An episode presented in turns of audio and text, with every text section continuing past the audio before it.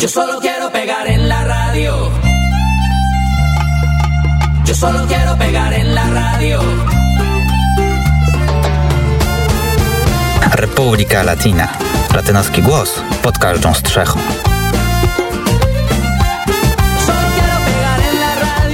Ten latynoski głos należy, wszyscy Państwo wiecie, do kogo Republika Latina Zbyszek Dąbrowski. Dzień dobry, moi buenas tardes. Muy buenas tardes. Jakie ciekawostki masz z tego regionu dla nas? Co chcesz nam przekazać? No dużo bym chciał przekazać, ale czasu mało niestety. W 10 minutach, więc nie zabieram ja ci tylko czasu. powiem tak, że e, pewnie słyszeliście Państwo o... Mm, zawiesiłem się teraz w tym momencie.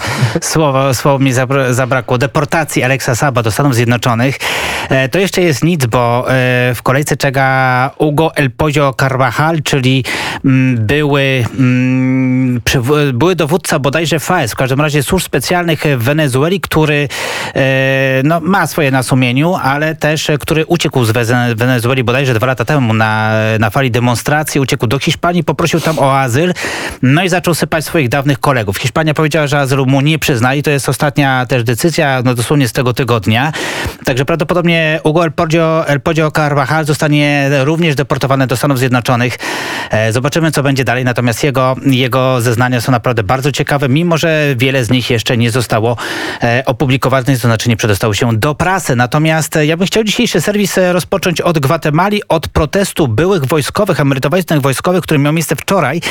Dlaczego mówię o tym? Dlatego, że ten protest był bardzo brutalny, przede wszystkim bardzo taki wan pachniał mocno wa wandalizmem, powiedzmy tak. E, wojskowi wdarli się do e, budynku gwatemalskiego kongresu, gdzie po prostu splądrowali budynek, zastraszyli e, urzędników, zastraszyli również deputowanych.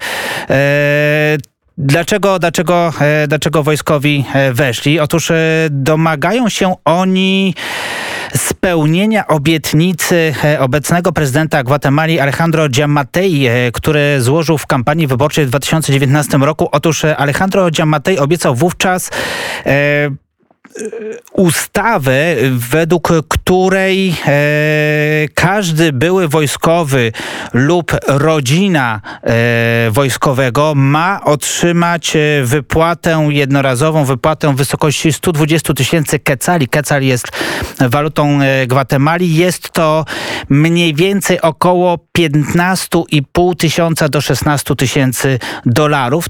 Jak na Gwatemal jest to bardzo pokaźna kwota, w związku z tym e, nie podejrzewam, żeby tutaj te pieniądze zostały, zostały e, wypłacone. Natomiast e, też proszę Państwa, weźcie Państwo pod uwagę, że spora część z tych osób, z tych emerytowanych wojskowych, to są uczestnicy wojny domowej, która zakończyła się 29 grudnia 1996 roku podpisaniem porozumień pokojowych pomiędzy rządem a partyzantką Unidad Revolucionaria Nacional Guatemalteca, czyli jedności rewolucyjno-narodowej e, gwatemalskiej e, i według e, Komisji Narodów Zjednoczonych do spraw wyjaśniania historii liczba osób śmiertelnych tej wojny wyniosła ponad 250 tysięcy.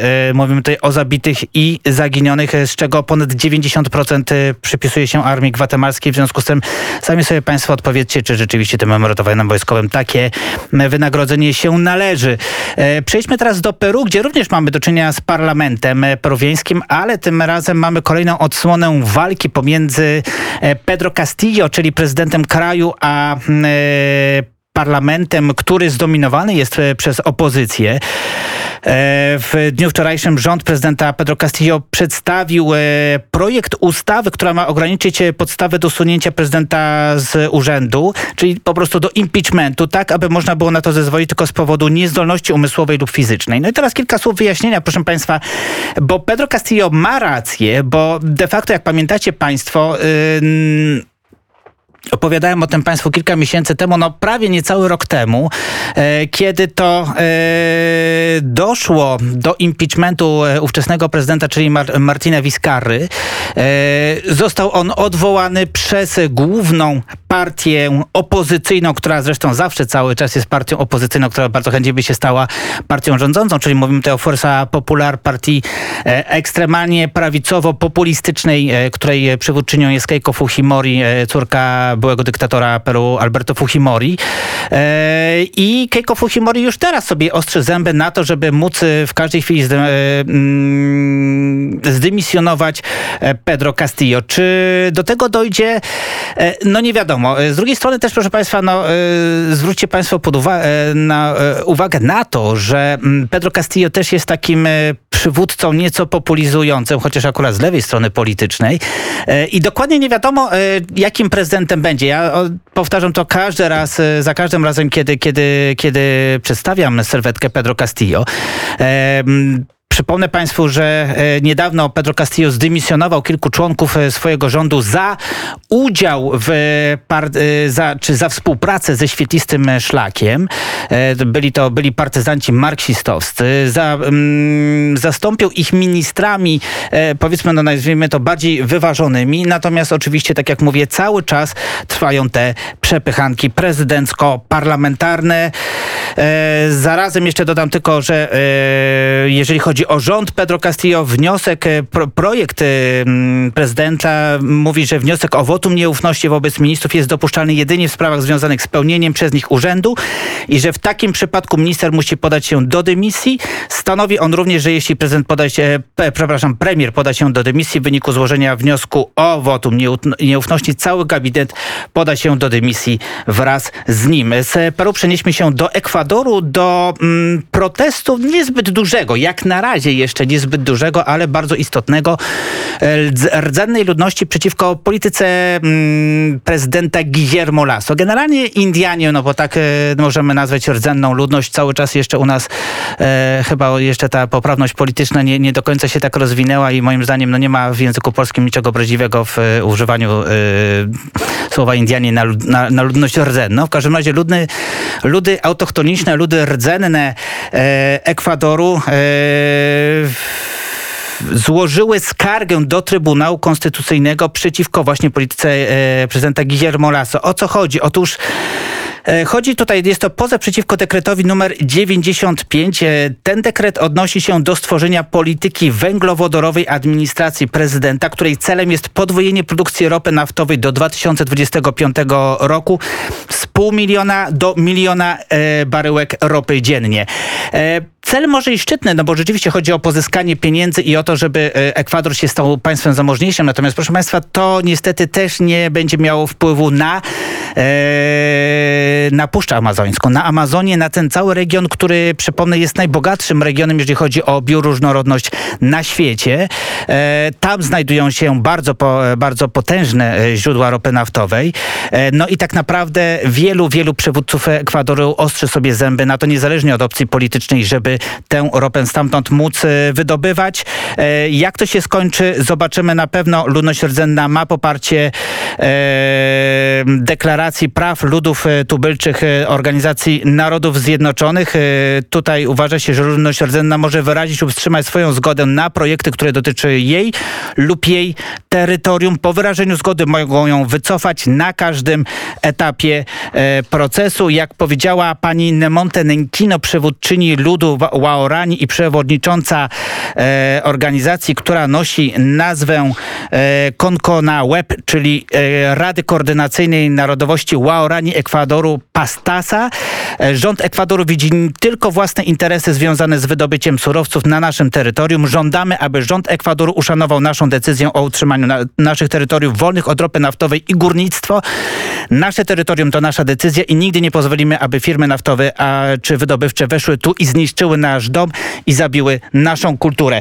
E, krótko przeskoczymy jeszcze do Wenezueli, gdzie, e, znaczy może, może powiedzmy tak, najpierw do Miami, gdzie międzynarodo- międzyamerykańskie Stowarzyszenie Prasy podało w dniu wczorajszym, że siły represyjne w Wenezueli polują na dziennikarzy przekazujących wiadomości, zwłaszcza te dotyczące protestów, informacji o COVID-19 i służb specjalnych. To nie jest e, nowy temat, ja też o tym wspominałem Państwu, więc tylko powtórzę, że generalnie chociaż w Wenezueli działa wiele mediów e, internetowych, to one są regularnie blokowane przez władze Wenezueli, które wymuszają na e, dostarczycielach e, internetu zamykanie tychże serwisów. Ponad, ponad 60% ludności, jak, jak powiedział SIP, ponad 60% ludności dowiaduje się o każdej wiadomości poprzez oficjalne kanały państwowe, ponieważ nie ma niezależnych mediów telewizyjnych i radiowych.